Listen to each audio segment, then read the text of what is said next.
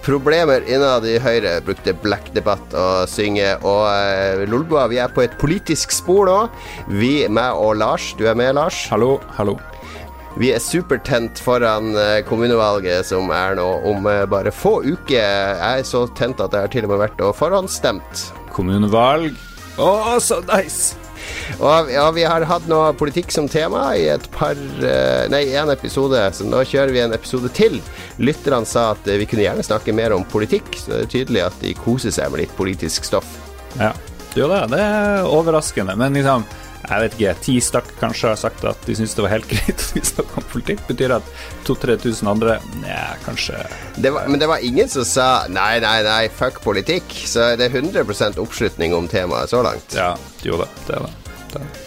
Og det, det, har vi Vi har lett litt rundt i eh, Politikk-Norge, i det politiske sfæren, etter folk som spiller, eller er litt interessert i spill. Vi har jo den uh, hva, hva, skal vi si Det er det fundamentet vi kan lande på. Vinklinga vi har inn. Mm. Og vi har jo en av våre faste lyttere som også var med på jubileumsmiddagen vår, som er uh, i Høyre. Uh, jobber i Forsvarsdepartementet. Er fra Harstad. Her krysser det av på alle ting som vi liker. Uh, krig og nordlending og ja. Høyre. Høyre. Høyre er jo nesten det samme som Trump, som vi jo òg er veldig opptatt av. Johannes uh, Utvåg heter du. Du sitter oppe i Tromsø nå med den nordnorske uh, formiddagssola strømmende inn vinduet bak deg. Velkommen til sending. Og Første punkt på vår agenda er jo hva har skjedd siden sist. Uh, Lars, jeg så et fenomenalt bilde av deg og den tredje største influenseren fra Harstad. Ja, hva har vi gjort siden sist? Jeg har møtt Slangen fra Harstad. Uh, han ja, hvem er Slangen fra Harstad? For det er jo ikke sånn at han er uh, en nasjonal kjendis. Visste du hvem han var, Johannes? Om jeg visste hvem Slangen var fra Harstad? Var. Ja. Han er jo nasjonal kjendis. han er ikke så kjent. Vel, han har 20 000 followers på Instagram eller noe sånt. Fortsatt litt igjen til Sofie Elise. Det er jo mer enn de fleste. Så nei, men han, han, er jo ikke nasjonal kjendis, men han burde bli det. Han burde få sitt eget TV-program, for der tror jeg det er mye, mye å hente.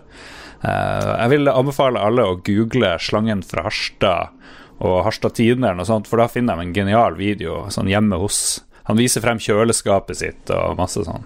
Ja, og det å lage en oppfølger som jeg anbefaler på det sterkeste. Uh, jeg har ikke sett oppfølgeren, så det må jeg Nei, Det må du gjøre. Og der avslører han at 30. august skal han gi ut låt. What? Oi. Oh, shit. Så jeg, jeg, glemte å gjøre en opptak med han da jeg møtte han, det burde jeg ha gjort, men uh, han sa seg villig, sikkert bare for å bli kvitt meg, uh, til å være gjest i Lolbua. Tror ikke han hadde hørt. Ble du litt uh, starstruck? Nei, jeg var ikke starstruck. Jeg var bare dritings. ja. ja. Men det, du møtte han under er ikke det, Denne uka har ikke det vært det der bakgården i Harstad, som er liksom Harstads Øyafestival? Ja, egentlig. Jo da, så her kom DDE og Åge Aleksandersen og mye greier. Jeg har nesten ikke sett noe, men jeg så Matoma, en sånn her norsk En av de unge litt sånn der eh, Du blir litt sånn kvalm fordi de er så unge og har så mye suksess, og så står på scenen og spiller. Men han remiksa veldig mye kult. Sånn her Jump med Van Halen og lagde mye kule kule greier. Så jeg koste meg. koste meg. Kan anbefale Matoma live hvis du er ganske dritings. Det er helt topp. Ja. Jeg husker i fjor på bakgården så anbefalte du Timbuktu. Var vel fjorårets anbefaling? Eh, jeg tror det er sånn tre år siden, sånt, men det var helt konge. Det var dritbra. Ja. Statsministeren var der. Statsministeren kom. Uh, ja. Var... Tok oss sånn klein Det er det kleineste jeg vet når politikere er på konsert, og så skal de danse litt. Uh, prøve seg på noen sånne moves. Så du noen sånne kleine dansemoves fra Erna? Hun, jeg tror hun var veldig klar over det, så hun sa hun skulle love å ikke synge, for det ville ingen like. Så, så jeg vet ikke. Men det er mulig Johannes har hørt Erna synge. Jeg vet ikke. Du kan bekrefte at hun har elendig sangstemme. Jeg kan verken bekrefte eller avkrefte. ellers, så, ellers har det skjedd noe dramatisk. Jeg har jo anbefalt min tannlege før Men nå har jeg, nå har jeg gitt Ja, vi må kanskje beepe ut der for å ikke bli saksøkt. Han er jo en av Da må du beepe ut i alle de gamle episodene. Nei, han er jo en av Harstads rikeste Kanskje den rikeste tannlegen. eh, Og det er jo en grunn til det. Det er jo fett dyrt, men det er jo mye bra, og det er liksom mest avanserte greier. Men nå har jeg bare bytta han bort. Nå er jeg hos mora til en kompis. Og hun Ninni Haug, som jeg vil erstatte min anbefaling. Jeg trekker Hva er det bort som skjer Lars? Fordi forrige uke så satt du og skrøyt sånn av luksusen hos Bærseth, og du koste seg sånn på venterommet med kaffe og småkake Ja, og magasiner. Du sammenligna det med kommunalt, eh, kommunal legevakt. Altså nå har du Hvorfor har du vendt ryggen til det her som du elsker? Nei, fordi etter at jeg var der sist og bare satt og nøyt eh, venterommet og luksusen som er der, så fikk jeg plutselig beskjed om at eh, de syntes jeg burde trekke to melketenner. Jeg har jo hatt fire, og de to første de drev og datt fra hverandre, så det var greit. Og det var jo svindyrt, og så nå plutselig Ja. var det Nei, du bør trekke de andre to òg. Og er bare Ja, men de, de lever jo godt enda, de her tennene, så jeg trenger ikke trekke dem enda. Så jeg tenkte jeg skulle få en second opinion, så jeg for til uh, Nini Haug. som jeg elsker. og hun bare Nei, vi kan, vi kan være litt til, og vi bare ordner og fikser litt. Og så er det Det er ganske mye billigere der, da. Det er ingen pushvagner på veggene, det er ganske dritt, det venterommet, så det vil jeg anbefale de om å fikse og sånn. Men det ble litt sånn Hun kjenner moderen, og det er litt sånn hjemme er Mer sånn hjemmekoselig. Litt sånn mer hyttepreg enn uh, luksushotell, for å si det sånn. Så jeg har gått litt sånn ned takta. Mindre avansert utstyr, mye færre ansatte. Så ja, Men jeg savner noe, det venterommet. Hvis, hvis eh, Tore Bærseth hører på Lolbo, har du noe råd til han for hva han skal gjøre for å få deg tilbake som kunde? Gratis behandling vil jo få meg tilbake med en gang, selvfølgelig. Eller Hvis han har så mye penger, så er det jo, det er godt mulig å kjøre en liten spons her på Lolbua, så skal vi snakke pent om Tore Perseth i et år fremover. Jeg tror alle bruene brenner akkurat nå. Han var jo naboen min i Harstad, han Tore Bærseth, så jeg husker, kjenner jo den familien godt. ja, jeg er en veldig hyggelig fyr og alt det der, men eh, jeg tenker jeg kan, jeg kan heller Jeg skal jo drive og pusse opp og sånn, jeg trenger alle pengene jeg kan, så jeg kan ikke bruke sånn her en milliard på nye tannimplantat, så da eh, Da får jeg heller å, å putte litt plaster på de gamle jeg har, og vente noen år. Det gjør jeg. Høres fornuftig ut. Jeg har, eh, jeg har nytt Oslo på godt og vondt, eh, fordi jeg er jo en, en helårssyklist, det vet jo våre lyttere. Så jeg sykler jo til og fra min jobb på Grønland hver dag. Og her på vei til jobb på onsdag så klarte jeg å punktere sykkelen på vei ned bakkene. Bare plutselig så var fordekket helt tomt for, for luft i, i full fart, så jeg bremsa kontrollert. Måtte da ta trikken til jobb for å rekke morgenmøte og sånn. Og så eh, er det ganske mye å gjøre på jobb nå, så jeg har liksom De dekkene er syv år gamle eller noe sånt, så jeg, de har vært moden for Jeg venter på at et av de skal eksplodere, for da kan jeg bytte de ut med nye dekk. Men jeg har liksom ikke hatt tid til å dra på Oslo Sportslager for å få montert, kjøpt og montert på nye dekk, så jeg måtte ta kollektivtrafikk, har jeg tatt. Oi. Torsdagen og fredagen. Og akkurat nå så er det sånn buss for bane mellom Brynseng og Tøyen, som er et helvete på jord. Da blir du liksom da, for, da blir du Som kveg blir du losa opp av masse folk i gule vester, går i sakte film opp forbi en Narvesen, står og venter på busser som står der eh, på tomgang, en uendelig rekke, og som skal kjøre i rushtrafikken fra Brynseng til Tøyen. Tar egentlig kortere tid å gå fra Brynseng og Tøyen i rushtida enn å ta buss for T-bane. Men hele det der Det er så dårlig start på dagen å drive med den logistikken der, og det er enda verre når du skal hjem. Det tar en time å komme seg hjem. Det tar vanligvis 30 minutter når jeg sykler. Ja. Uh, så jeg har vært i skikkelig dårlig humør pga. det der uh, Ja. buss for Og det T-bane. er, jo, det er jo kun MDG sin skyld, det der opplegget. Hadde du stemt, og alle andre stemt Høyre, så ville det ikke vært limousin for de rikeste, da, selvfølgelig. Og, men det hadde du hatt råd til. Ja. Nei, går, altså det blir jo bedre Det er dagen siste dagen, så det blir jo bedre da. Men jeg hater jo å, å ta Når jeg må ta T-banen i stedet for å sykle, så jeg syns jo det også er Jeg hater jo å sitte blant folk. Den derre frihetsfølelsen du får på sykkelen når du suser nedover, og den følelsen du, når du kommer hjem, at du har liksom «Ha, Nå har jeg hatt en økt. Nå er jeg klar for uh, middag og ettermiddag og kos og moro. Så det, det, du blir bare utmatta av å ta kollektiv. Det blir jeg i hvert fall. Du driver jo og argumenterer hardt mot kollektiv nå, egentlig. Nei, jeg er helt for kollektivtrafikk, men det er ikke Og jeg, jeg, tar jo ikke bil til jobb, det er jo helt uaktuelt. Det er jo galskap. Da er det jo enda da, da, blir jeg enda surere de få gangene jeg måtte ta bil til jobb for jeg skal frakte masse ting hjem eller et eller annet. Da, mm. da er jeg i hvert fall sur av de køene og trafikken. Så nei, jeg, jeg, jeg, må få fiksa sykkelen, ellers så kommer jeg til å klikke. Ja, min sykkel har òg kollapsa, men han som eh, bor her og låner et rom, han har sykkel som jeg har fått låne, men det er uten sånne skjermer, så hvis det regner, så er, så er jeg fucked. Men jeg, plutselig så bare hørte jeg en rar lyd, så bare Og så var noen av tannhjulene bøyd, og det var veldig, veldig mystisk, så det, det er noe, det er noe Har du ikke fått bysykkel i Harstad? Nei, ingen bysykkel. Uh, jeg vet at det er, så, det er, jo så, vidt de har bystatus, så det Ja, det Åh, Jeg må slutte å disse ja. Harstad. Jeg, jeg, har fått litt pepper for at jeg disser Harstad. Men jeg er den eneste i redaksjonen som har kart over eh, Harstad på, på min vegg her på kontoret. Kart fra 1962, som min far stjal fra Harstad ungdomsskole. ok. Vi har sånne el... Hva heter det? Sparkesykler. Vi har i hvert fall to elsparkesykler, har jeg sett. Det, det, har kommet til byen? Nei, det er, er bare leie, eller noen som har kjøpt privat? Nei, det er bare et selskap som har kjøpt. Men de plutselig for de gjennom, ble plutselig en moderne by, så jeg syns alle private næringsliv burde kjøpe sånne. Så ser det mye mm. kulere ut i bybildet. Hvordan er det, Johannes, med deg? Har du noe å dele fra ditt liv i det siste? Er det bare valgkamp nå? Er det derfor du er i Nord-Norge, for å forkynne for en god jobb Forsvaret gjør der oppe, eller? Ja, nå reiser vi bare rundt og egentlig prater med folk. Men det er jo, det er jo lokalvalg, så vi skal jo på en måte ikke ta spotlighten. Men, men, men da blir du sendt til Nord-Norge fordi du prater nordnorsk, så du kan liksom folk bare ah, her er vi en av oss. Det kommer ikke en sånn søring opp og forteller oss åssen vi skal krige her.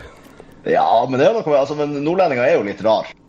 På god måte. Så eh, det å sende altså, Jan Tore Sanner og det er masse fantastiske folk i regjering, men de har treffer kanskje ikke like bra som uh, han Frank, da, som er fra Båtsfjord og er fra Harstad. Ja, ja. Det er litt lettere å prate med de her eh, tullingene oppe i Finnmark. og ja. Men hva er liksom nå for tida, hva er en vanlig arbeidsuke for deg? Eller det er jo sikkert, alt er jo sikkert forskjellig, da, men hva du styrer med, liksom? Jeg, jeg kan ta raskt nå den valgkampuka. Vi, vi starta igjen i dag, hadde hatt ferie.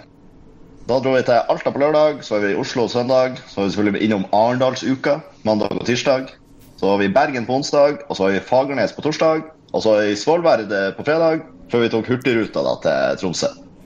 Hmm. Så dere reiste grønt mellom alle disse stedene, håper vi? det, det, blir jo litt fly, det må jeg jo innrømme. Det er dårlig med flyskam her. Ja, ja. Nei, men det er jo Sånn, sånn er det jo. Altså, man må jo være litt realist òg. Men det er ikke like mye fly som Lars, da. Det er ingen i Norge som flyr mer enn Lars. Kom an, det der er ne, Skal du ut og fly i morgen, Lars? Skal ut og fly i morgen, ja. På tirsdag? Ja, ja, jo. Jeg må jo tilbake. Men jeg, ja, kan ja, men... Ta, jeg, kan godt ta tog, men da må jeg først dra til Bodø, og så må jeg ta tog. Og det, det hadde, Jeg hadde fint tatt buss og tog og alt det der, men jeg tror ja, men ingen Da kommer vi jo inn på Nord-Norgebanen, som det er 60-70% støtte i befolkninga for nå. Det, det, det mm. Ja, det, det er et tema i seg sjøl. ja kun, kun lokal nordnorsk politikk denne sendinga her. Det blir bra. Ja, nei da, nei da. Vi skal gå litt mer uh, nasjonalt. Uh, men Johannes, det var ikke meninga vi, vi, har en hel spalte om det rett etter musikken. Nå, er det noe annet du vil dele fra livet ditt? Du trenger ikke bare prate jobb. Går det bra med deg for tida? ja, det går fint. Jeg var på Munch-museet. Må jo besøke det før det slutter. Ja, på Tøyen i Oslo? Ja. Riktig. For det skal flyttes ned i, i Lambda, så skal du oppleve det opprinnelige, så må du jo dra dit nå. Ja, så det var jo noe sinnssykt med folk, og det er ganske irriterende å være på museum og stå i kø for å se på bilder. Mm. Ja. Men det var Munch er ganske kult. Hva er ditt favoritt-Munch-bilde? Uh, er det uh, Skrik-klisjeen, eller er det vampyr, eller er det søstera hans som ligger for døden i senga, eller jeg har ikke, jeg husker, Det var noen sånne fine bilder som ikke var så kjent, men jeg husker ikke hva de heter. Nei. Men jeg var heldigvis sammen med noen som kunne en del, så jeg lærte jo mye om den ulykkelige mannen og hva de heter, de her karakterene. Ja, ja, ja, ja. Men hvis dere skulle kjøpe kunst på veggen Jeg tror ikke Munch kommer øverst. Det er, liksom, det er jo kult å ha et maleri til mange millioner, men det er jo ikke så Jeg vil, vil jo ikke si at alle er så veldig pene, sånn, sånn som jeg ville tenkt det. Hvis, eh, hvis Tore Bærseth hadde bytta ut Pushwagner med Munch, hadde du kommet tilbake da, Lars? Ja. ja. Skal jeg Der stjele? hører du, Tore. Da vet du hva du skal gjøre.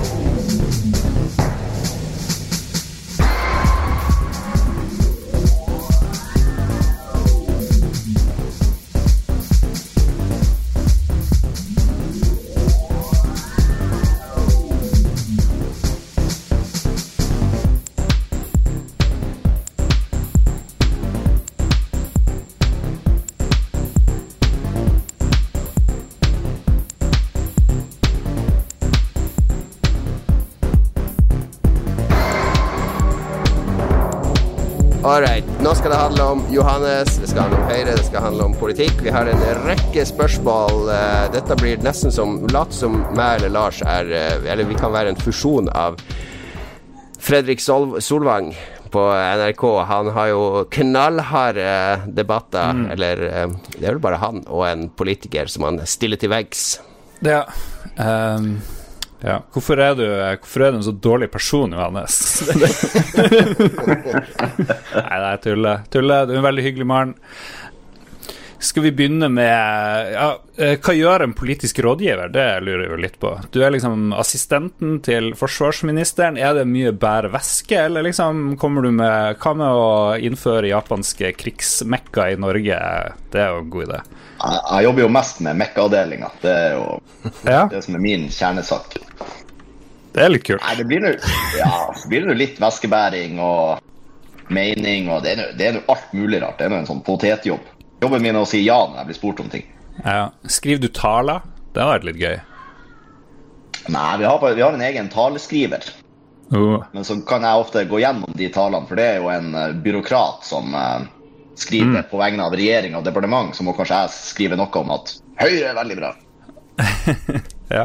Jo. Så det er jo lenge siste ledd før han og en slags sånn høyre hånd.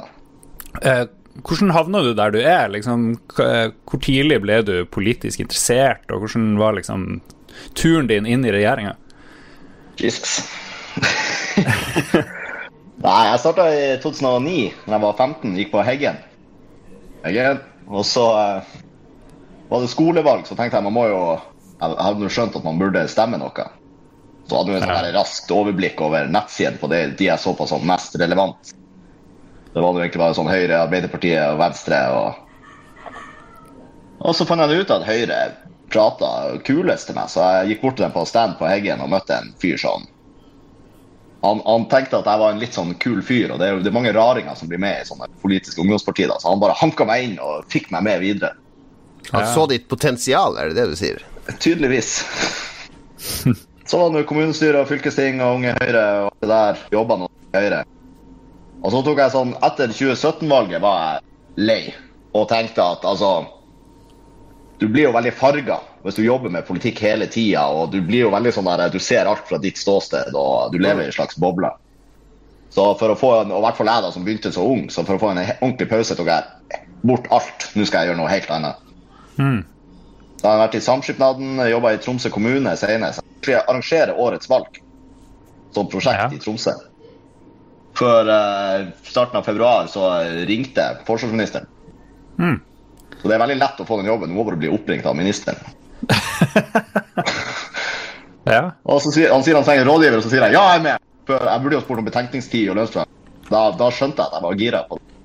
Så måtte jeg jo dobbeltsjekke og så spørre om det var meg han skulle spørre. Det var det, heldigvis. Ja, Det er litt crazy å bare bli oppringt når du ikke driver med politikk i det hele tatt, egentlig. Det er jo et tegn på en fremtidig minister, statsminister, det her, Lars. Det her er et kupp. Et kupp at vi har det her i Lolbua. Så kan vi legge det på is. Vi eh, fjerner det, så kan, har vi masse vi kan dra fram i offentligheten senere. Det er akkurat som når Erna Solberg skrev et kapittel i den der eh, dataspillboka mi. Ja. Uh, da var hun langt fra å være noe statsminister. Ja, Fordelen min er at jeg har sagt så mye rart og så mye verre Det er av liten verdi, dessverre. All right. Men du må jo også være litt nerd siden du oppdaga Lolbua. Altså, du må jo ha et, et eller annet forhold til dataspill og sånne ting. Har du en sånn skikkelig nerdebakgrunn, sånn som meg og Lars, med Dungeons and Dragons og, og fantasybøker og dataspill, eller er du litt mer en sånn casual nerd? Uh, ja, det har gått litt i bølger, litt avhengig av opptatt. Men jeg vokste opp i altså, Det var jo den der skillet mellom Super Nintendo og Nintendo 64. Litt Sega. Så det var jo mye, veldig mye Mario og Sonic i oppveksten. Ja. Før man etter hvert oppdaga Og så ble jeg jo sånn mega Blizzard-fan. Spilte Warcraft 3. Ja. Det var liksom det største spillet jeg fikk da. Det, var det la mye av fundamentet for kunnskapene som du tar med deg inn i Forsvarsdepartementet, Warcraft. Stort sett. stort sett. Vi kjører jo først en sånn human-strategi nå. Ja, nettopp. Eh, i, i, er du Når du, folk spør deg om var du eh, Om din identitet, eller din personlige identitet, føler du deg først og fremst som en høyremann eller en Lolbua-lytter? Hva er det viktigste for deg sånn identitetsmessig? Definitivt Lolbua-lytter. Det er godt. Jo, jo, faktisk. Altså, tenk, du identifiserer deg selv som høyremann. Tenk at noen sier det. Ikke så lyst til å prate så mye med vedkommende, tror jeg. Det er litt kjedelig identifikasjon, jeg må jo innrømme det. Det er ikke eh, Jeg vil jo tenke at en sånn person er veldig enspora. Mens en Lolbua-lytter, er- vi er kanskje litt mer fasettert. Hvis ditt viktigste identitetsmarkør er, politi, er det, det politiske partiet som du er medlem av. Ja, nei, og da blir det jo noe med Det er jo jævla viktig å prate med mye andre folk og gjøre andre ting for å få med seg nettopp perspektiver. Så det er å seg, prøve hele tida å komme seg ut av den partibobla. Hvor, eh, hvor sint blir du når eh, jeg og Jon Cato driver og snakker om eh, MDG litt sånn uforholdsmessig mye, i hvert fall i de siste ukene? Nei, jeg syns det er veldig interessant. Det er jo veldig artig. Altså, da, jeg kjenner jo meg veldig igjen om dørbank og stand og alle de her forferdelige tingene man må gjøre.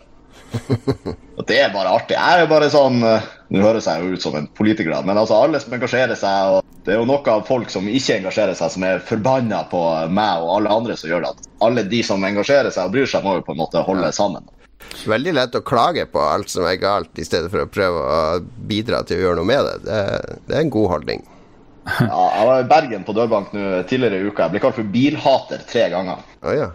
uh. Så der er det jo opprørsstemning.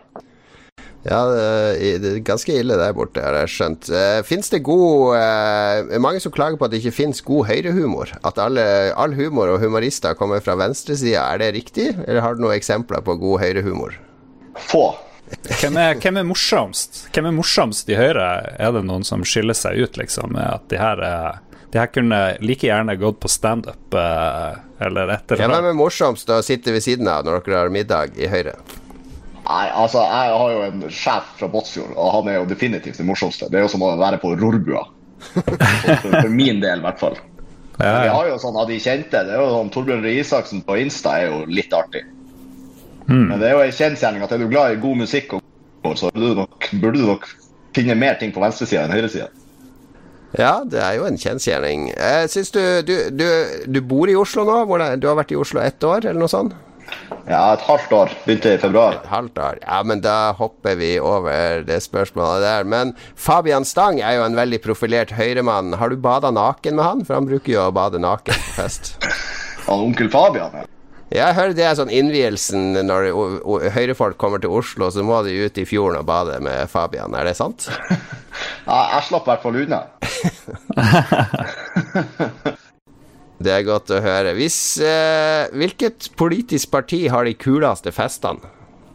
Jeg tenk, hvis, hvis du hører min logikk, resonnement her Jeg tenker at Hvis jeg fikk lov å gå på en sånn skikkelig fest med et politisk parti Så jeg tenker, jeg har ikke lyst til å sitte på sånn SV-fest der man drikker rødvin og sitter under pledd og det kommer en kassegitar frem.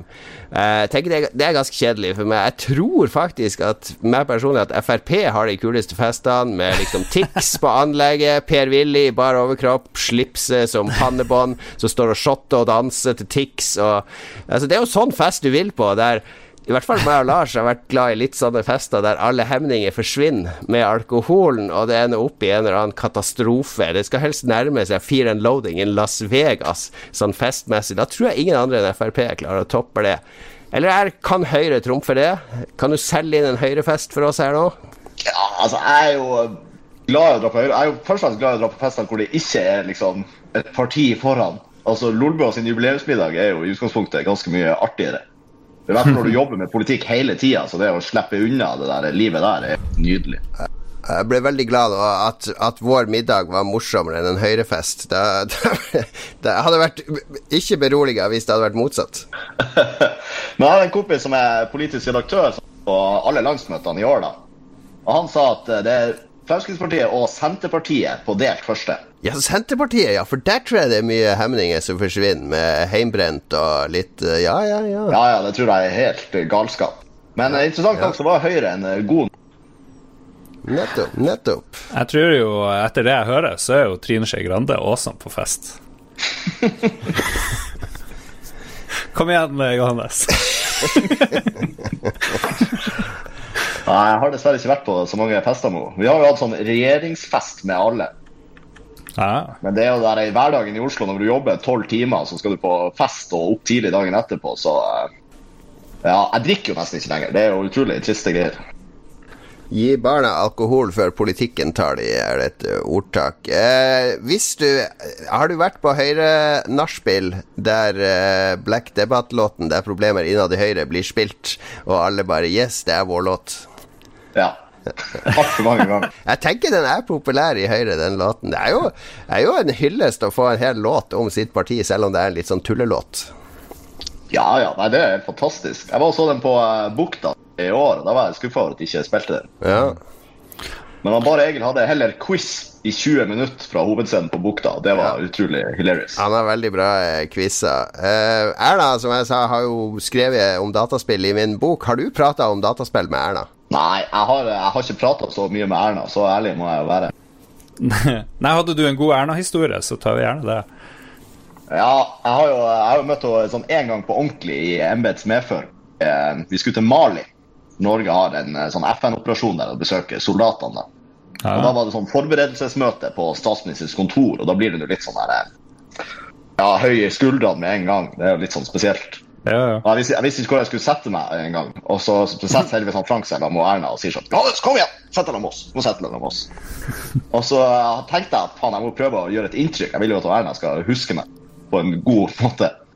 Og så begynner de å snakke om hva vi må ha med, og så sier eh, han sånn PST-duden at vi må ha, det er greit med litt solkrem, for en del her begynner jo å bli litt sånn høy i hårfestet. Og så snur jeg meg bare sakte og ser opp på panna til han Frank. Og Erna holder på å daue av latter. Hun syntes det var så artig. Så da fikk jeg det i hvert fall. Jeg tror nå hun husker meg. Ja, morsomt. Eh, bortsett fra deg sjøl, hvem er den største nerden eh, i Høyre eller regjeringa som du har møtt på? Er det noen du har fått bonda, bonda med, sånn sett? Nei, ikke sånn eh, spillmessig. Det er veldig dårlig. Faen hvor elendig partiet du har rota deg inn i her. Ja, Men akkurat nå er vi jo så jævla opptatt. Det er jo ingen som spiller, egentlig. Nei, Men nei. jeg har, jeg har de her høyreguttene i Tromsø har jeg jo solgt inn at eh, de har begynt å spille både Fallout 4 og Witcher 3 til er Oh, store glede. Så vi har starta et lite sånn politisk RPG-miljø her. Oi. Men det er jo sånn eh, Altså De andre partiene, sånn som Venstre, har jo han Grunde, som er mye ute og snakker om dataspill. MDG har snakka litt om dataspill. Arbeiderpartiet har jo hun Trettebergstuen og et par andre som er ute og fronter dataspill og spillutvikling. Jeg er veldig stille fra Høyre på akkurat eh, det. Ja, det skal jeg ta opp. Nei, så har Erna vært og bestilt, besøkt sånn Spillenes hus og sånn, og så har du på en måte, siden Trine er kulturminister, har vel liksom tatt eierskap Ja, for det for er, regjeringa. hun er opptatt av det. Så det, sånn Regjeringa har fronter jo spill eh, ganske bra. Jeg har jo vært på et par innspillsmøter med Trine. Ja, det virker jo som om det, det skjer litt nå. Og det hadde sikkert gjort uansett regjering, men det kommer jo e-sport og e-sportlinje osv. Jeg føler liksom at vi er en good drive. Men nå når du er oppe i liksom eh, maktens korridorer, har du noen tips til Jon Cato? Han vil jo helst bli kulturminister, det er jo hans store Ja, det er når MDG går inn i regjering om ti år, så skal kulturministerposten være min. Ja, men det er, hvis, jeg, hvis jeg skal notere ned ditt navn Gjør det. Spre Bare legg det igjen her og der på Stortinget, sånn at liksom fundamentet er der. Så folk bare Hei, vent, det navnet hørte jeg han eh, Johannes nevne. Ok, ok, jeg skal notere meg det. Det er Ja, bra. nei, mitt tips er bare Bare vær hyggelig og vær der. Og så kommer du skummelt langt med det. Det er jo jeg et eksempel på. Ja, jeg kan være meg sjøl, men det er ikke så kompatibelt med å være hyggelig. Men jeg kan. Jeg kan ta deg i sånn smalltalk-kurs. Ja, smalltalk er mitt største, største eh, anker som holder meg tilbake. Siden du er i Forsvarsdepartementet, hvor redd er du for atomkrig på en skala fra 1 til 10? Du har jo innsideinformasjon vi ikke har. Nei, én. Én bare? Fordi jeg hadde det krisemøtepodkasten, vet du, med, med han Kristoffer Schou og han Kyrre. Eh, den ble jo lagt ned, men han Kyrre har fortsatt, og nå har han gjest hver gang. Så første episode var det Jonas Gahr Støre, og Jonas Gahr Støre han sa han var kjemperedd for atomkrig nå. Altså, det var så mye som skjedde i verden nå at hadde, det var som på 80-tallet, mente han.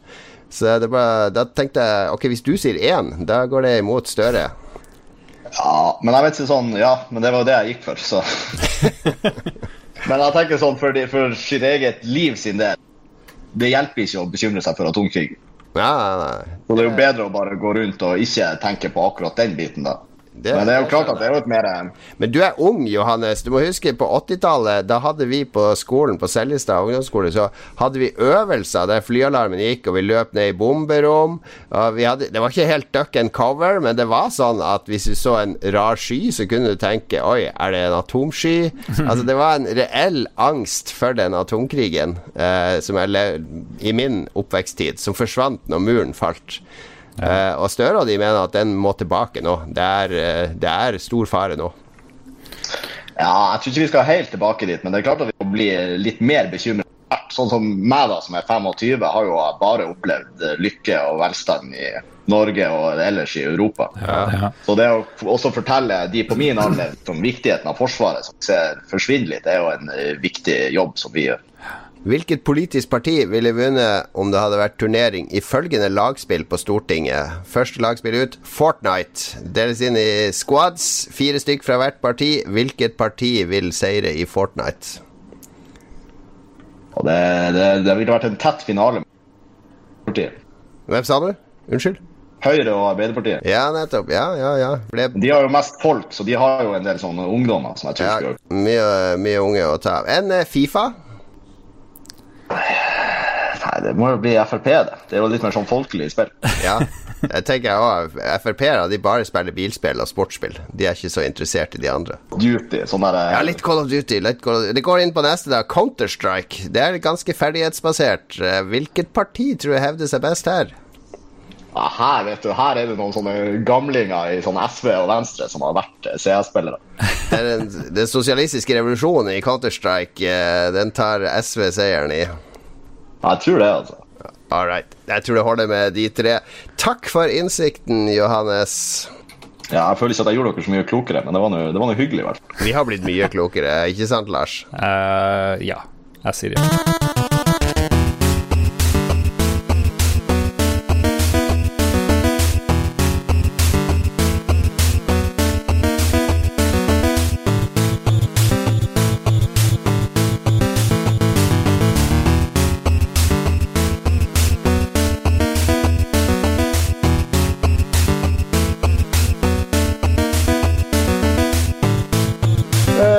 Har vi spilt siden sist? Eh, jeg vet ikke om du har tid til å spille i det hele tatt, Johannes. Eh, har du lyst til å begynne? Har du et eller annet spill du vil trekke fram som du har spilt det siste halvåret?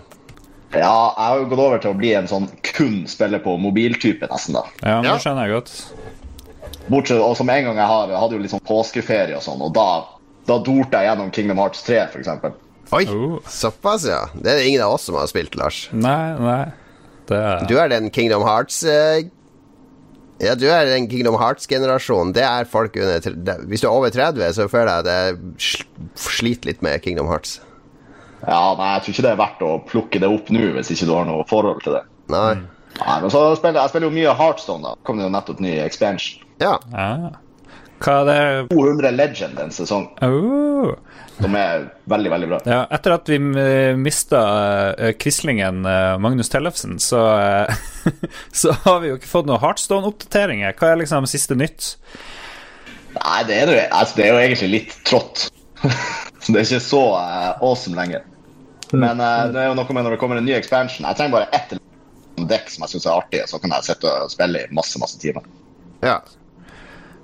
Det er jo ofte med sånne spill at de blir litt fanga innenfor det rammeverket de lager det første året, eller noe sånt. Så blir det liksom veldig vanskelig å innføre mye nytt som, som velter balansen uh, i, i, stor grad. Men er det sånn at, det er spenning hver gang det er en ny expansion, hva som skjer, eller er det bare sånn at du grinder deg gjennom det?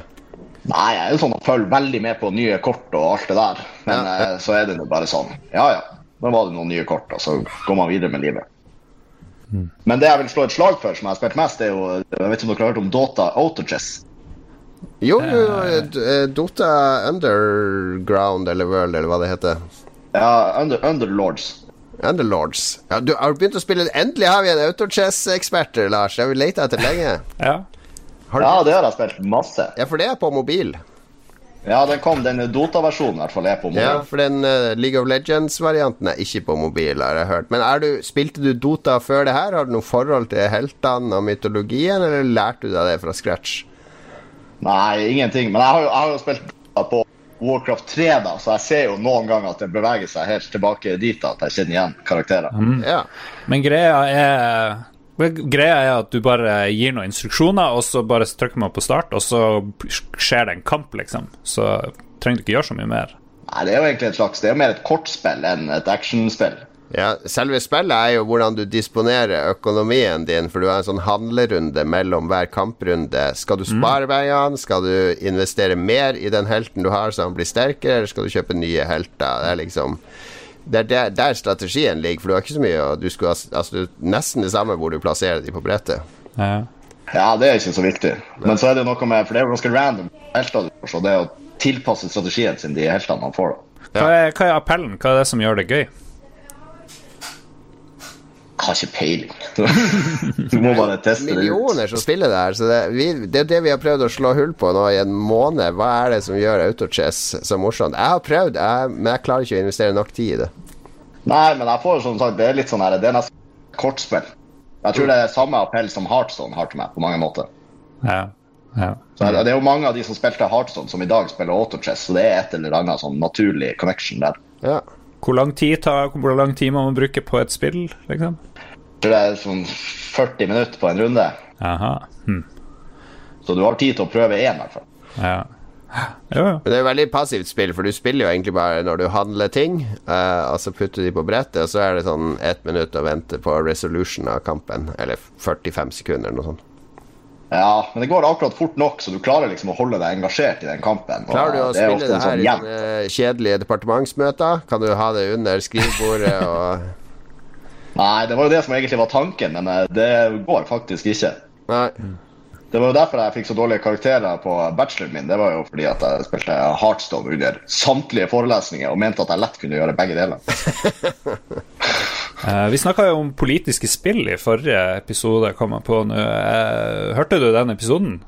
Ja, i hvert fall jeg, jeg, begynte på den. ja, har du noe, noe Fins det noen spill som liksom har noe særlig politisk betydning, eller liksom Er det noe du kom, har kommet på sjøl?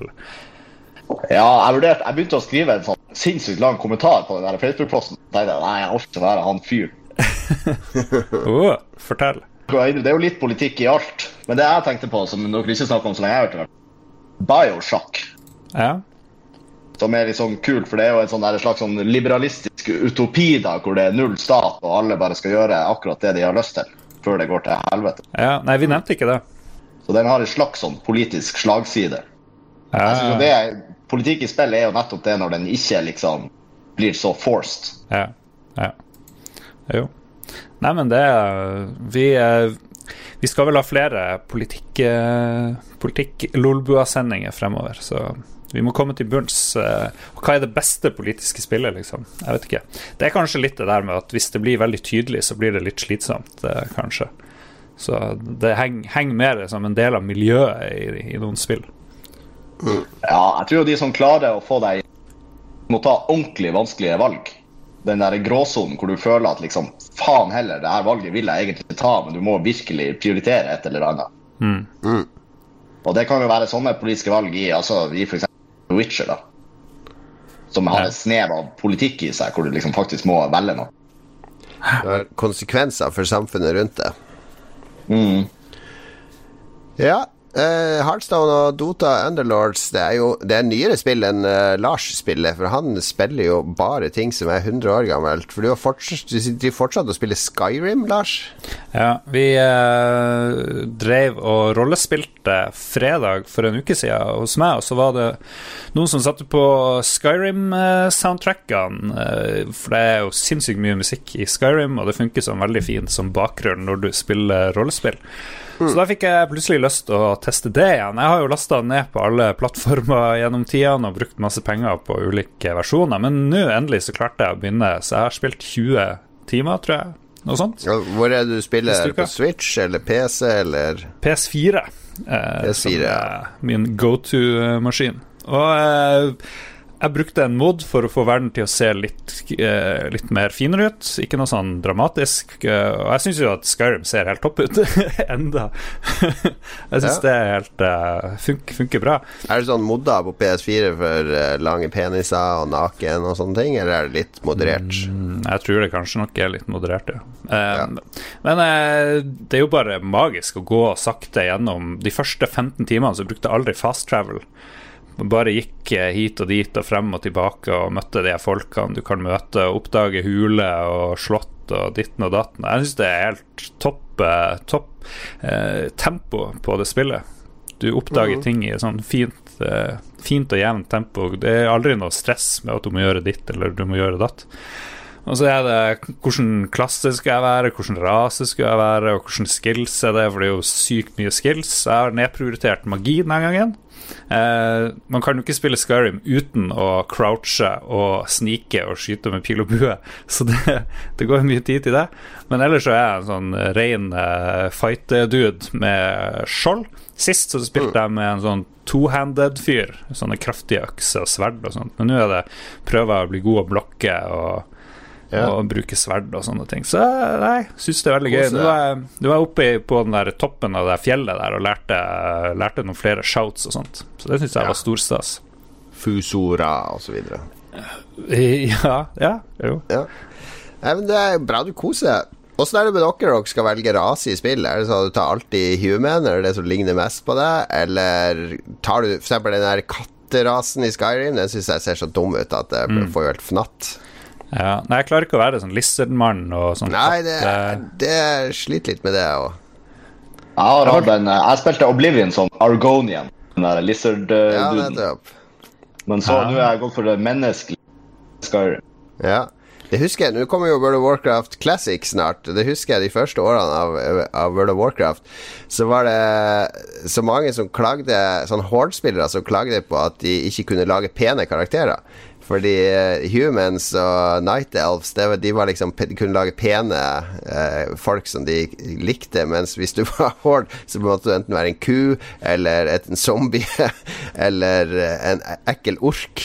Eh, så de ble jo veldig glade da når disse blood elves kom. Nå endelig kunne man være Det var pen. vel ikke helt tilfeldig at det ble beste rasen til Horde. Nei. Men eh, ja. Hva kommer Skyrim Nei, Elder Scroll 6? Er det noen som vet noe som helst? For nå har det jo gått Jeg vet ikke. 2022, 2023 minst. Altså, det er Betesta vi snakker om her. Det, og, og, og det kommer til å være spillbart to år etter det kommer òg, så vi snakker 2025 tidligst, Lars.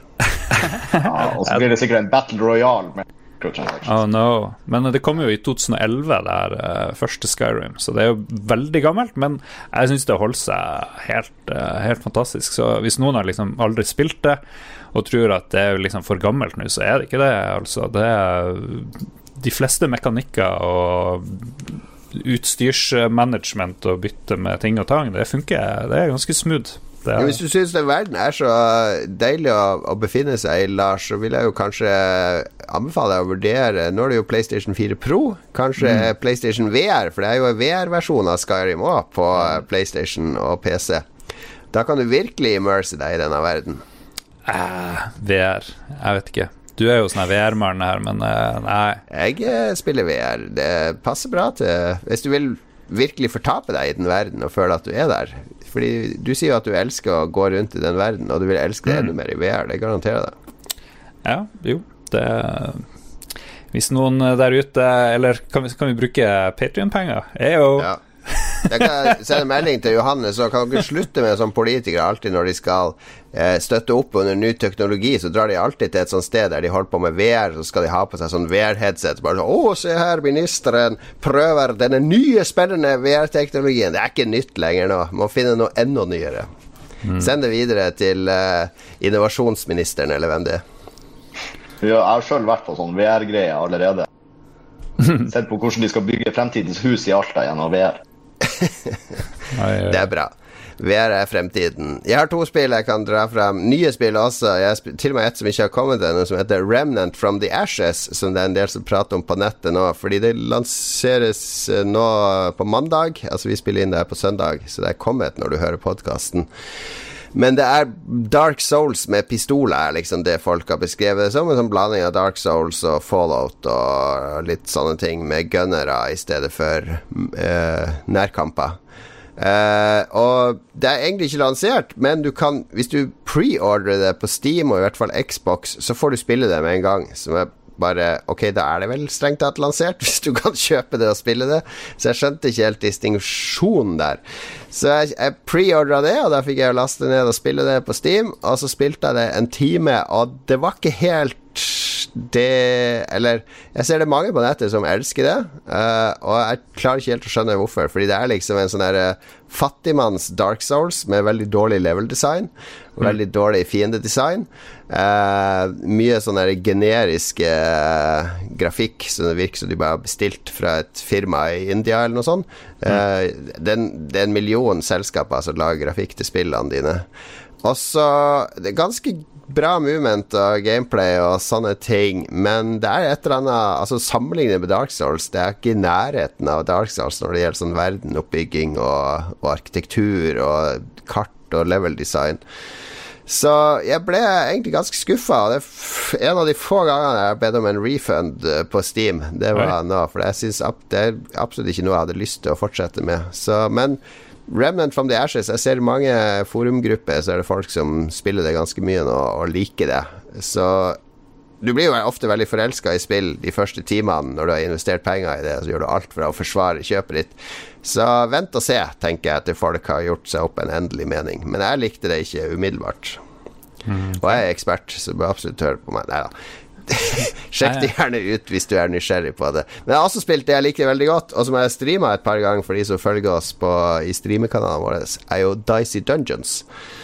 Som, som, når det kommer på mobil, Johannes, så har du definitivt et spill du kan kose deg med. Ja, det, har jeg, det har jeg sett på, det gleder jeg meg til. Ja, ja, ja. Det er litt som Slay the Spire, for de som kjenner det. Liksom deckbuilding, der du skal bygge deg opp, eh, konfigurere ferdigheter som du da bruker i kamper. Uh, og Det samme gjør du her, men i stedet for kort, så har du en sånn spillmatte med utstyr du, du har. Og så triller du terninger i hver runde, så må du plassere de på forskjellige, disse forskjellige ferdighetene. Og så omgjør å få synergier som gjør at man genererer mer terninger, eller at effekter påvirker hverandre, osv. Og det er laget av han Terry Kavanagh, er det ikke det han heter? Han som lagde VVVVVV og uh, Superhexagon. Så det er litt mm. sånn uh, Ikke så arcady som de tidligere spillene hans, men samtidig så er det så utrolig velprodusert. Og musikk av Chipsell, som også lagde den fantastiske frenetiske chipmusikken i Super Hexagon, som nå lager musikk med ordentlige synter, så det er ikke sånn eh, blipp-blopp eh, chiptune-soundtrack, men veldig fengende sånn game, gameshow-soundtrack. Hele spillet er liksom et gameshow der du går i sånne rogue dungeons og skal komme deg til bossen. Jeg trodde det var han som lagde det der You Must Build a Boat, eller hva det heter, som jo var et uh, magisk uh, mobilspill. Nei, jeg tror, ikke, jeg tror ikke det er han. Nei, det er ikke han. It is not. Men jeg trodde det. så sjekk ut Dicey Dungeons, og hvis du vil vite mer om det, så sjekk ut Lolbua på YouTube. Der ligger det tror jeg, to videoer der jeg spiller gjennom med to forskjellige terninger.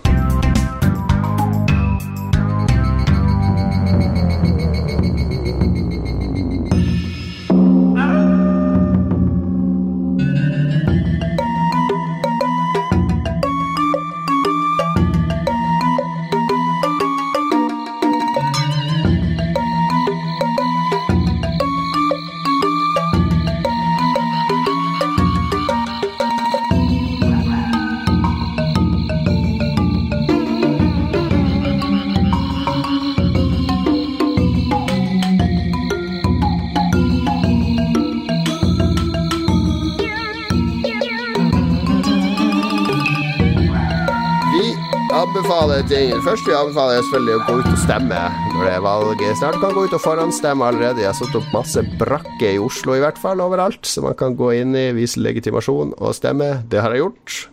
Eh, så da kan jeg bare le av alle som prøver å påvirke meg når jeg går forbi de nå i fremtida. Det, det er utført.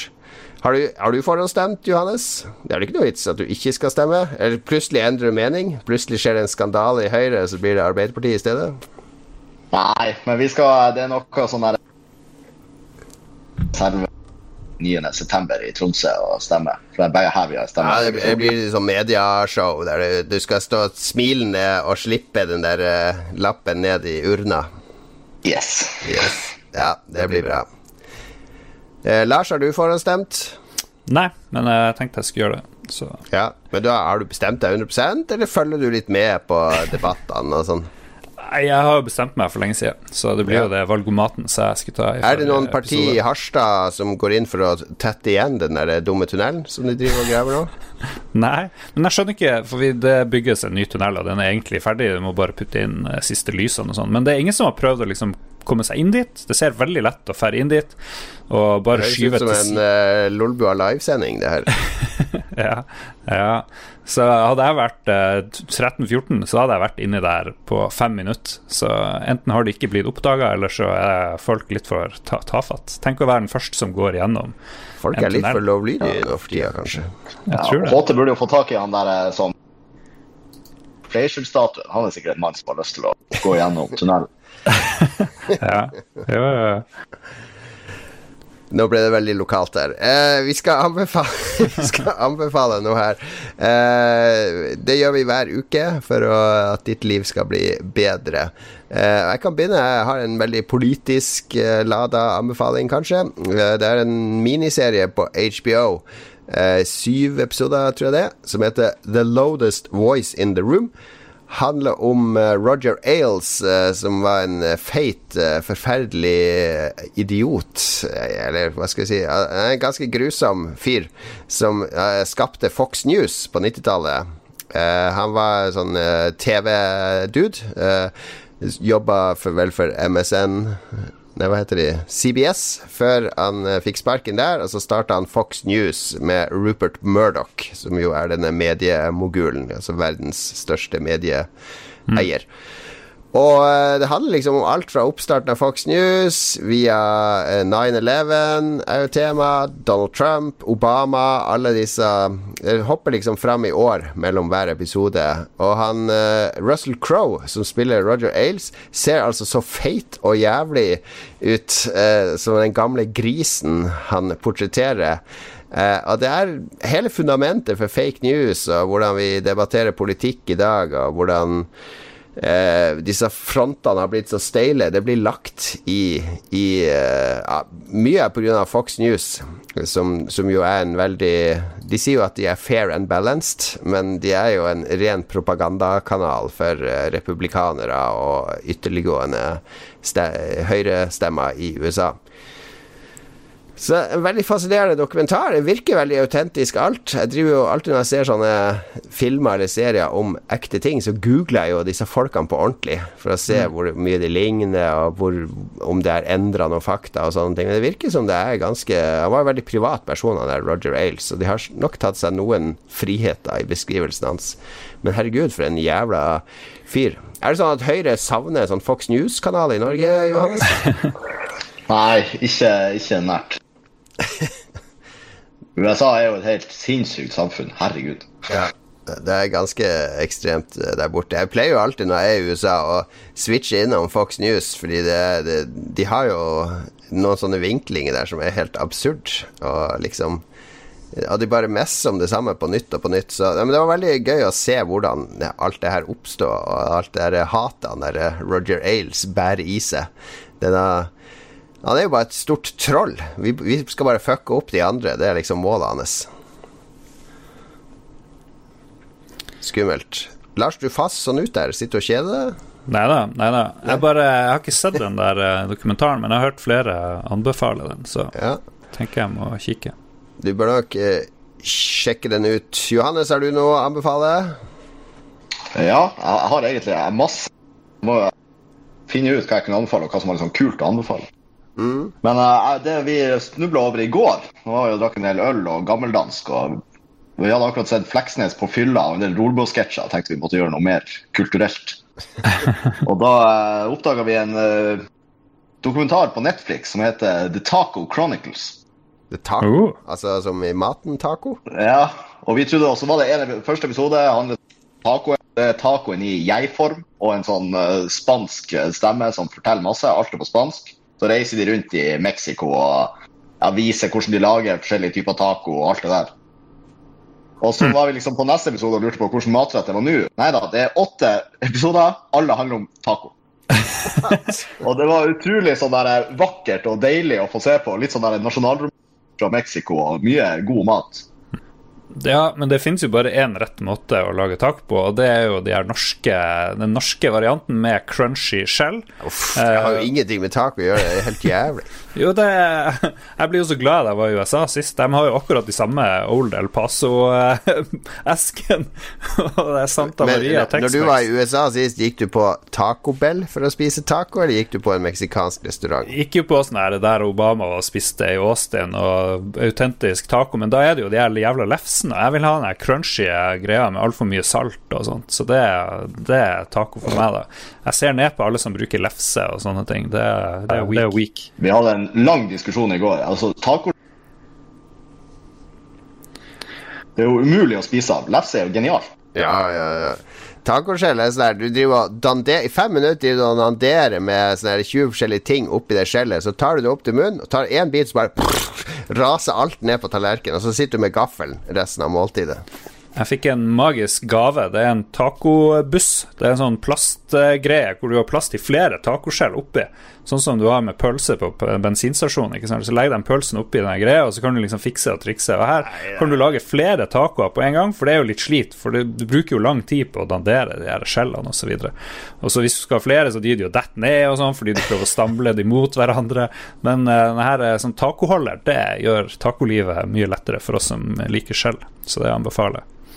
Ekstra anbefaling. Vi har jo også har sett i butikker at de har sånne tacobåter. Altså det er bare en sånn stor sånn skål som du bare kan putte alt oppi. Er ikke det mer praktisk enn disse uh, uforma skjellene? Nei, nei, det er skjell, skjell som Det er detter fra hverandre, greit nok, men sånn er livet. Det, alt er ikke perfekt. Det er Nei, nei, nei. utfordring med det meste, og skjellene er, krever mester. Det, Jeg er ikke noe fan av taco, Lars, men de få gangene jeg blir tvunget til å spise taco med sånne skjell, så bruker jeg bare å samle kjøtt og de andre på tallerken, og så tar jeg sånn skjell, og så knuser jeg det over. Smuldrer det opp. Og så spiser jeg det med gaffel, for jeg orker ikke hele den prosessen med å pynte det skjellet. Da spiser du jo nachos, egentlig, ikke taco. Eller jeg vet ikke, hva er taco egentlig? Er, er det krydder, Ja, det kan- liksom? Eller hva er Det er det? et godt spørsmål, fordi hvis du da ser serien Hva heter den igjen, Johannes? Hvis du da ser The Taco Chronicles, så kan du kanskje lære hva taco egentlig er, Lars. Ja. Meget bra spørsmål der på slutten. Det var en veldig sånn god loop. Eh, proft. Proft, vil jeg si. Se, eh, din anbefaling, Lars, hva er det for noe? Det er noe sånn nerdegreier.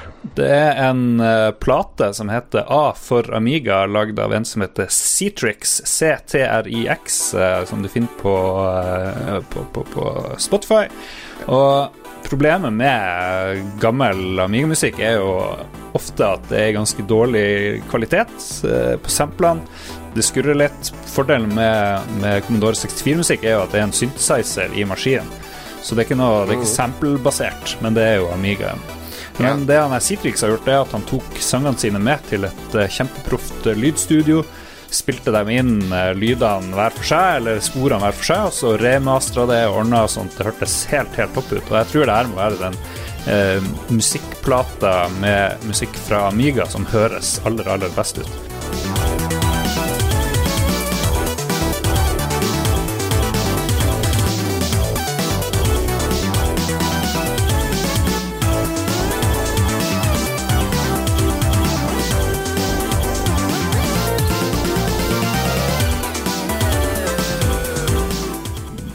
Det hadde jo ikke holdt med bare god kvalitet, men, eh, men melodiene var veldig, veldig gøy. Og han her eh, Cetrix er en fyr som har holdt på veldig lenge. begynte å lage musikk på Commodore 64, og han driver og reiser rundt i verden og holder konserter i Japan og overalt, og lagd sånne helt syke hjemmelagde instrument. Men det her er kun Amiga, men han lager musikk på Megadrive og Gameboy og Atari og alt Yes. mulig sånt. Aldri hørt på han før. Jeg trodde det var Tix først du skulle anbefale. For det er jo ganske nært. Nærliggende. Så eh, til en eller annen live Lolbua-greie så burde vi hyre inn han der eh, Cetrix til Hvor kommer han fra i verden? Vi aner ikke hvor han er, men han er over hele The Planet og spiller og gjør ting. Men han er ikke blant de mest kjente. Han er ikke blant de mest kjente. Og jeg tror den der A Miga-plata er fra sånn 2013-14, så det er litt sånn gammelt. eh. Fulgte han den opp med en B for BBC Micro, Nei. og en C for Commodore 64, og en D for Dragon 32, Jeg svarer ja. og en Ok, jeg, jeg, jeg nok skryt. Nok skryt. Ja. Jeg kommer ikke på noen på E, det var derfor jeg stoppa der. Er ikke BBC Micro et slags paradoks? Å, shit! Badum. Stålevitsen. Stålevitsen kom. Uh, ok, ok. Det er, det er fullverdig stålevits. Godt gjort. Ok, tre anbefalinger. The Loudest Voice in the Room på HBO om eh, Roger Ailes, som lagde uh, Fox News. The Taco Chronicles på Netflix, som er en haug med episoder som gir deg et dypdykk inn i tacoens eh, meksikanske univers. Og til slutt C-Trix, CTRIX, A for Amiga, en uh, plate remastera Amiga-musikk. Nydelige toner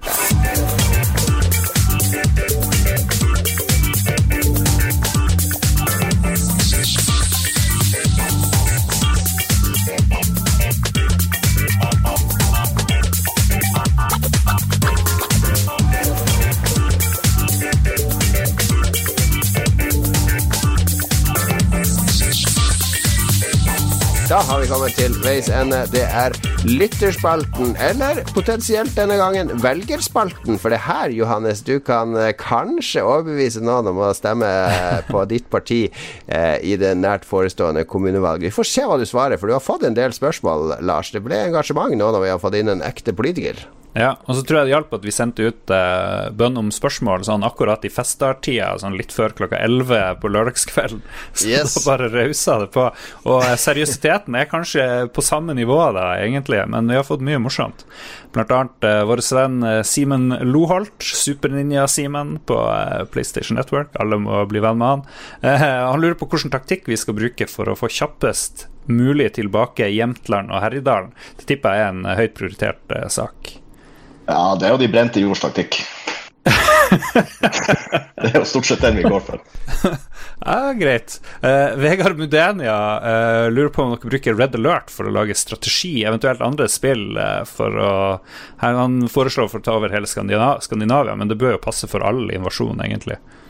Ja, det er jo mye. Du har jo litt inspirasjon fra Warcraft 3, Altså. det går jo mye i Civ 6. Og selvfølgelig Red Alert 2 er jo en klassiker. Altså, Jens Stoltenberg la jo mye av fundamentet sitt i Age of Empires, og nå er han jo Nato-sjef, så jeg skal ikke si at man ikke kan komme langt med litt spilltaktikker. Nei, det er mye å lære der. Magnus Eide Sandstad lurer på Kan vi rangere fra null til ti hvor komfortabel vi er i dress. Han mener sjøl er på en firer, kanskje femmer. Ja, Vi kan jo la eksperten eh, uttale seg til slutt. Eh, Ja. Jeg, jeg er jo kanskje med på Magnus Eide Sernstad. Jeg er veldig lite rutinert i dress. Jeg kjøpte en ny dress tidligere i år, og så gikk så ned ganske mange kilo, så jeg er litt spent på hvordan den ser ut nå. Om det blir sånn her eh, Men det kan jo være kult. Litt sånn løs, slapp dress. Det tror jeg passer mitt, eh, min fremtoning ganske greit. Men jeg er ikke noe sånn superkomfortabel, nei. Slips det aner jeg ikke hvordan jeg knyter. Det blir sånn en ny Herregud, nå, du er jo 45 år, du må kunne knytte slips nå. Jeg bruker jo aldri slips. Det er sånn begravelse. Det Hva gjør du da? Drar du ned til mor di og får henne til å knyte slipset for deg? Nei, jeg får på YouTube og så prøver jeg å finne, og så bruker jeg 10-20 minutter på å få en dårlig slipsknute. Jesus, Lars, det her er Ja. skjerpings. Det her blir på neste liveshow, så skal vi ha eh, slipsknutekonkurranse. Ja, det er en god idé. Men hvilket eh, vil du si du er på en firer, du òg? Femmer? Ja, kanskje fire. Under, under fem. Ja. Jeg må, Altså De gangene jeg må ta på meg dress, så jeg føler meg helt smashing i dress. Jeg føler at jeg blir min beste versjon av meg sjøl. Jeg føler jeg burde ha en jobb der jeg gikk i dress eh, hver dag. Jeg hadde, det tror jeg hadde klart å trives i. Da måtte jeg ha hatt en tre-fire dresser da, og ganske mye skjorte. Ja. Eh, og, og hatt noen rutiner på å rense de og sånn, for nå har jeg egentlig bare én dress som brukes til alt. Ja. Men jeg, jeg alltid, føler meg alltid så, så bra i dress. Så jeg sier jeg ligger oppe på en åtter, nesten nier. Wow. wow. Mm. hvor mange dresser har du, Johannes? Jeg har tre som jeg bruker på rundgang. Og en haug med hvite og lyseblå skjorter. Ja. Rosa, rosa skjorte er ikke så godt eh, kjent i Høyre, kanskje? Nei, jeg vil jo, det som er mest behagelig med dress, er jo nettopp at jeg bare kan ta på meg det jeg liksom har. At alle slips og alle skjorter passer, at du trenger Ja. å tenke minst mulig over det. Altså, jo Forsvaret er jo ganske sånn seriøst, når du er 25 år, så må du liksom Du kan ikke tøffe deg for mye. da. Nei, nei, nei. Men er det lov å bruke røde slips i dress nå, eller har Trump ødelagt for hele den komboen der? Ja, Du må i hvert fall gå for en litt annen nyanse, ikke det der som lyser ut. Ja, nettopp. Som det ser ut som et juleslips til tider. Men føler du deg bra i dress? Nå har jo du jobba i dress i en stund. Er det Eller er det sånn at du, du kan ikke vente med å få den av deg når du kommer hjem fra jobb? Det, det var en veldig stor overgang, for jeg har jo ikke gått så mye i dress før, jeg heller. Ja. Men uh, når man først venner seg til det, så er jeg fort på en sånn eh, 9-10. Altså. Det er deilig. Men i starten jeg følte meg som han Tom Hanks i Big når jeg tok på meg denne dressen. Det føltes ut som jeg var en sånn fraud som bare gikk rundt. Men litt av trikset med dress, i hvert fall i Oslo, er jo det er jo mye sånn Aker Brygge-folk, og du Ja. føler på en måte at du kan bli litt sånn identifisert med dem. Så du må alltid smile, for de ser alltid så jævla seriøse ut. Men hvis du smiler, så er folk litt sånn her Oi, hvem faen er det der? En smilende mann i dress, det er litt uvanlig. Ja, og så bruker jeg å sykle også, for da ser du i hvert fall litt sånn der eh, aktiv ut. Ja, det, der, ser, der har du kaffelatten i ene hånda. Og... Men klarer du, knyter du slipset ditt sjøl, eller må du ringe til mamma, sånn som Lars? Nei, det, jeg klarer å knyte slipset mitt sjøl. Jeg er jo en mann på 25 år. Takk, takk. Takk for det. Etter Reservoir Dogs, eh, Lars, så var det vel en periode der vi begge drømte om å gå litt eh, hver dag i svart dress, hvit skjorte og svart slips. Uh, en gang til. Hva du sa Eh, for noe? vi så Må du slutte å fase ut hele tida, Lars? Uh, du datt ut. Ok. Etter vi så filmen De hensynsløse, som den heter på norsk, eller Reservoir Dogs, som den heter på, eh, på amerikansk, så gikk vel vi rundt med en litt sånn hemmelig drøm om å finne oss noen svarte dresser, hvite skjorter og svarte slips, så vi kunne spankulere rundt i sakte film og se veldig kule ut. Ja, Det er derfor jeg tror den nye dressen min kanskje kan funke litt sånn, for der var de jo litt sånn løs. De passet. det var ikke sånn kjempepassform på alle de her Reservoir så jeg håper det kan bli litt sånn. Men eh, svart, eh, svart slitt dress, hvit skjorte og svart slips, eh, litt sånn tynt. Eh, Du ser litt ut som en leiemorder, da, på et vis, tenk, tenker jeg da. Ja, Du vil nok ligne mer på en John Belushi i Blues Brothers. hey. Da, da er jeg Elwood i Blues Brothers, det passer bra. Ja, der har vi kanskje inngangen vår på eh, Tiltkast, som skal være 6. oktober, der Lolbo er med. Vi spiller Blues Brothers-musikk, og så kommer jeg og du dansende inn i svart dress og solbriller. Vi tar den der kirkedansen deres. eh. Ja, ja, ja, ja. Da må du ta de backflippene som han John Belushi tar bortover gulvet. Uh. det, legg, ja. legg seg i hardtrening. Han hadde jo stand-in, så det kan jeg òg få. Jeg. Johannes kan Stå, Ståle kan være stand-in. Snakesola84. Hvilket spill bør forsvarsministeren spille, slik at han forstår at Hæren i Troms fortsatt trenger helikopterstøtte og ikke legge ned? Oi, det var veldig lada spørsmål. Ah, Ja, shit. jeg vet ikke, Har vi noen gode helikopterspill? Det er sjelden kost uh, disse dager. Det har vært noe Hind-spill, og så har du Gunship i gamle dager. Gunship og Gunship 2000, de spilte mye. Det var masse helikopterspill før, egentlig. Desert Strike og hva det enn de heter. Jungle Strike. Ja, Men du- Kanskje det er det som har skjedd, at uh, vi har ikke fokus nok på helikoptrene i spillkulturen, så eh, folk skjønner ikke viktigheten av det lenger. Ja, Kanskje det. det. Uh, han Kristian Tjessem, vår eh, redaksjonsmedlem, han lurer på hva den norske terminologien for Defcon er. I USA så er det jeg må gå til Defcon 4 og Defcon 5. Så han lurer på om det er forsvarsberedskap. Uh, Kan vi forkorte det ned til Forber? For, Nei, det, går noe, det, det er nå noe tall. det er noe Jeg tall. vet ikke helt, jeg vet ikke helt hva, vi, hva vi ligger på, for vi har heldigvis ikke hatt bruk for det ennå. Men har det tallet et navn? Er det, er det, er det, er det forsvarsberedskapsnummeret, eller? Ja, vi er nå liksom i fase null i vår eh, strategi. Ja, nettopp. Hmm. Det er litt sånn norsk Hvor høyt går det tallet? Er det lov å avsløre? Er det top secret? Jeg tipper Johannes ikke er fullt eh, fokusert på Defcon eh, for tida. Kan det stemme? Den, den går til et tall mellom 1 og 100. Men jeg kan ikke røpe hvilket tall det går til. 69, tipper jeg. Selvfølgelig. Defcon 69! Skalklukene! Defcon 420, yeah! All right, all right. Ja, for du har innsyn i sånn Cosmic Top Secret-informasjon og sånn, Johannes. Jeg vet jo litt ting, men heldigvis er altså det, som er, det, det som er mest hemmelig, er jo veldig kjedelig. Ja, jo kjedeligere, jo mer hemmelig. Ja, Så det som er sånn gøy, er ofte ikke så hemmelig, heldigvis. Nei, nei. Kult. Ja, da, har du begynt på selvbiografien din allerede, som alle gode politikere? Du skriver notater hver dag som du skal bruke når du er 35. Eh, Nei, ikke, ikke nært. Hva, hva skal boka om ditt liv hete? Og vi har, vi har hatt mange gode forslag, faktisk. Så, så ubeskjeden er man jo. Ja. Men det er noe, det er noe sånn der eh, En full fjott og altså, Det er bare sånne teite Fjott, det hadde jeg kjøpt. Det er en politikerbiografi jeg hadde kjøpt. Jeg tror det var Per Sandberg. eh, Eller, Det er ganske mange politikerbiografier som kunne hatt den Ja, per, per Sandberg sin skal hete 'Politikk er ikke bare Bahare'. Oh. Nå kommer det i bløte. Nå har det blitt varmere. Ok, Tom Arne Tom Arne Oppedal Han er inne på disse Cosmic Top Secrets. Hvem var egentlig først på månen? Oi, ja, det er jo et spennende spørsmål. Ja, det er det, det er- Leif Eriksson var jo først til USA, selv om alle tror det var Columbus. Så det er konspirasjonsteori om at en nordmann egentlig var først på månen òg. Ja, det var jo Leif Eriksson. der. Eller han Heier, Heierdal, mener jeg det, da. Den ukjente. Han bygde en sånn flåte til månen. Skulle bevise at uh, et eller annet. Eh, Japan driver jo har sånn her enormt s- romprogram nå, så jeg syns Norge òg burde egentlig eh, skjerpe seg. Det er jo viktig for Forsvaret for Norge å være, ha Vi har jo et ganske aktivt romprogram på Andørja, tror jeg. Norge er vel eh, land nummer fire i verden eller noe sånt når det gjelder å skyte opp raketter opp til orbit. Ja, det Space-programmet på Andøya er veldig bra, så det, der er vi faktisk eh, ganske gode. Det er bare å utvide det, egentlig. Og så tar vi sikte på Mars med en gang. For det er typisk når du lar sånne folk som er sånn Ja, faen, jeg mener Norge burde satse mye mer på space. Og så er det sånn Ja, vi satser allerede mer på space. Å ja! Ja, OK. Jeg må satse enda mer! Satser enda mer. Vi satser for lite på Mars. Uh, vi bør slå oss til sammen med Og Musk. ja. Tenk hvis uh, Musk kunne flytte hele SpaceX-produksjonen til Nord-Norge. Det hadde vært bra for det lokale næringslivet. ja.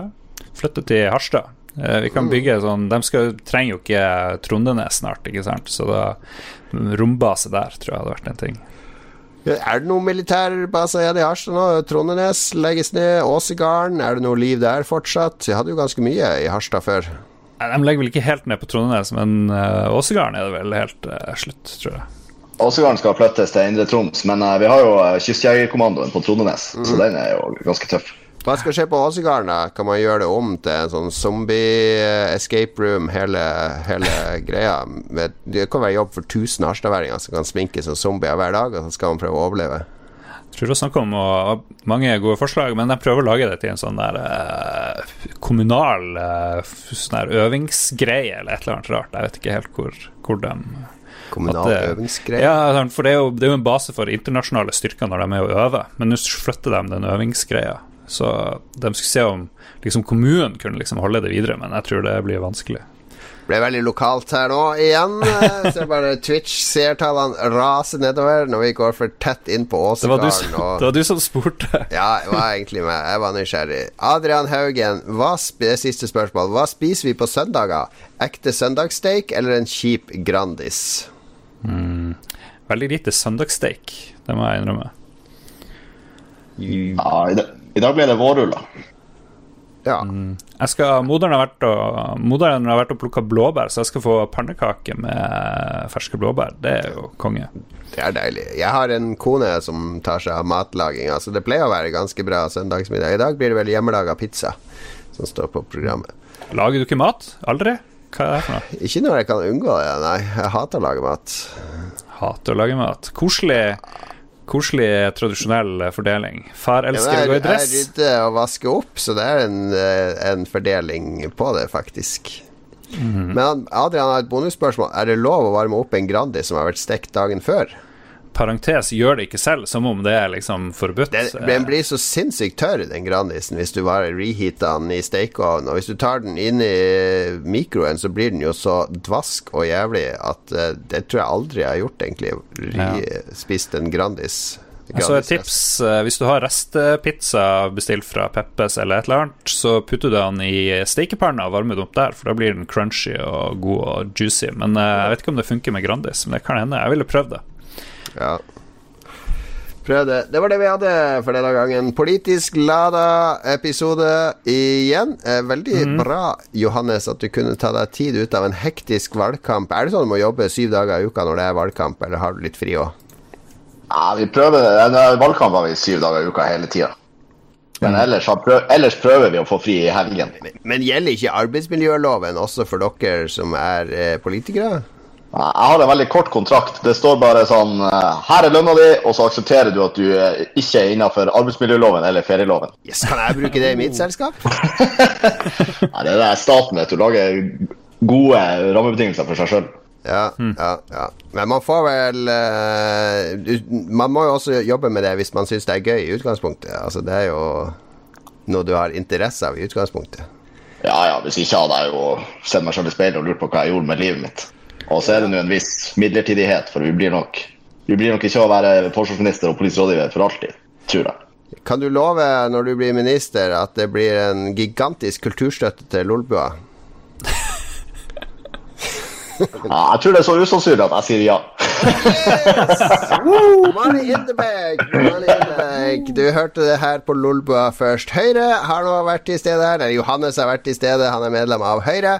Vi har fått snakka masse politikk. Er du fornøyd med, med hvordan du har blitt fremstilt så langt, Johannes? Var det noen spørsmål du syns var veldig så svett? Fikk deg til å svette under kragen? Ja, jeg svetta veldig, men eh, det var, det var som forventet med på Lolbua. Kan ikke jeg si det? Lars, er du fornøyd? Du er jo profesjonell journalist. Er dette innenfor PFU og alt, eller kommer vi til å få noen klager? Jeg vet ikke om PFU gjelder for oss. Jeg føler vi er akkurat som Podkastenes eh, faglige utvalg, da. ja, Akkurat som regjeringa, så spiller vi med egne regler. Det, Sånn er det. Vi gjør det. Vi skal prøve å få med en politiker neste gang òg. Vi kan ikke love det, for det er jo busy tider for politikere. Jeg skal ikke avsløre hvem her og nå, fordi For det har vi ikke funnet ut. vi hører, med, vi hører med flere. Vi bruker vårt nettverk aktivt. Målet må jo være å få med Per-Willy før valget også, da. Lars, klarer du det?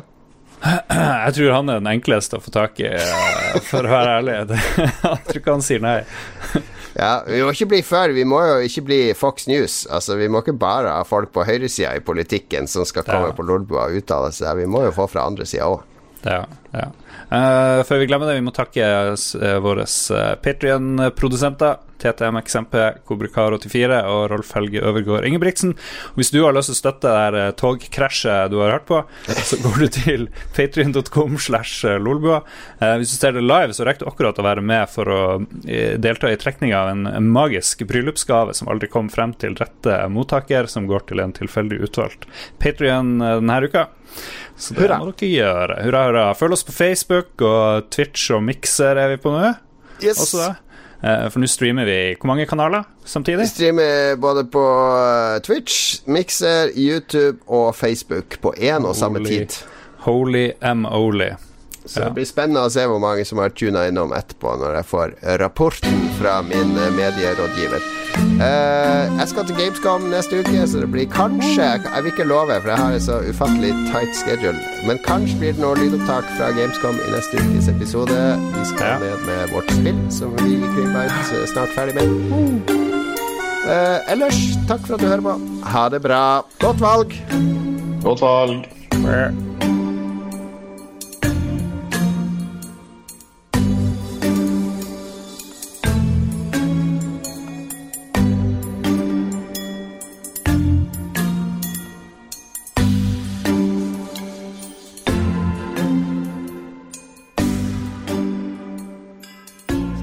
Kjære årsmøtet. og ja, kjære Norge.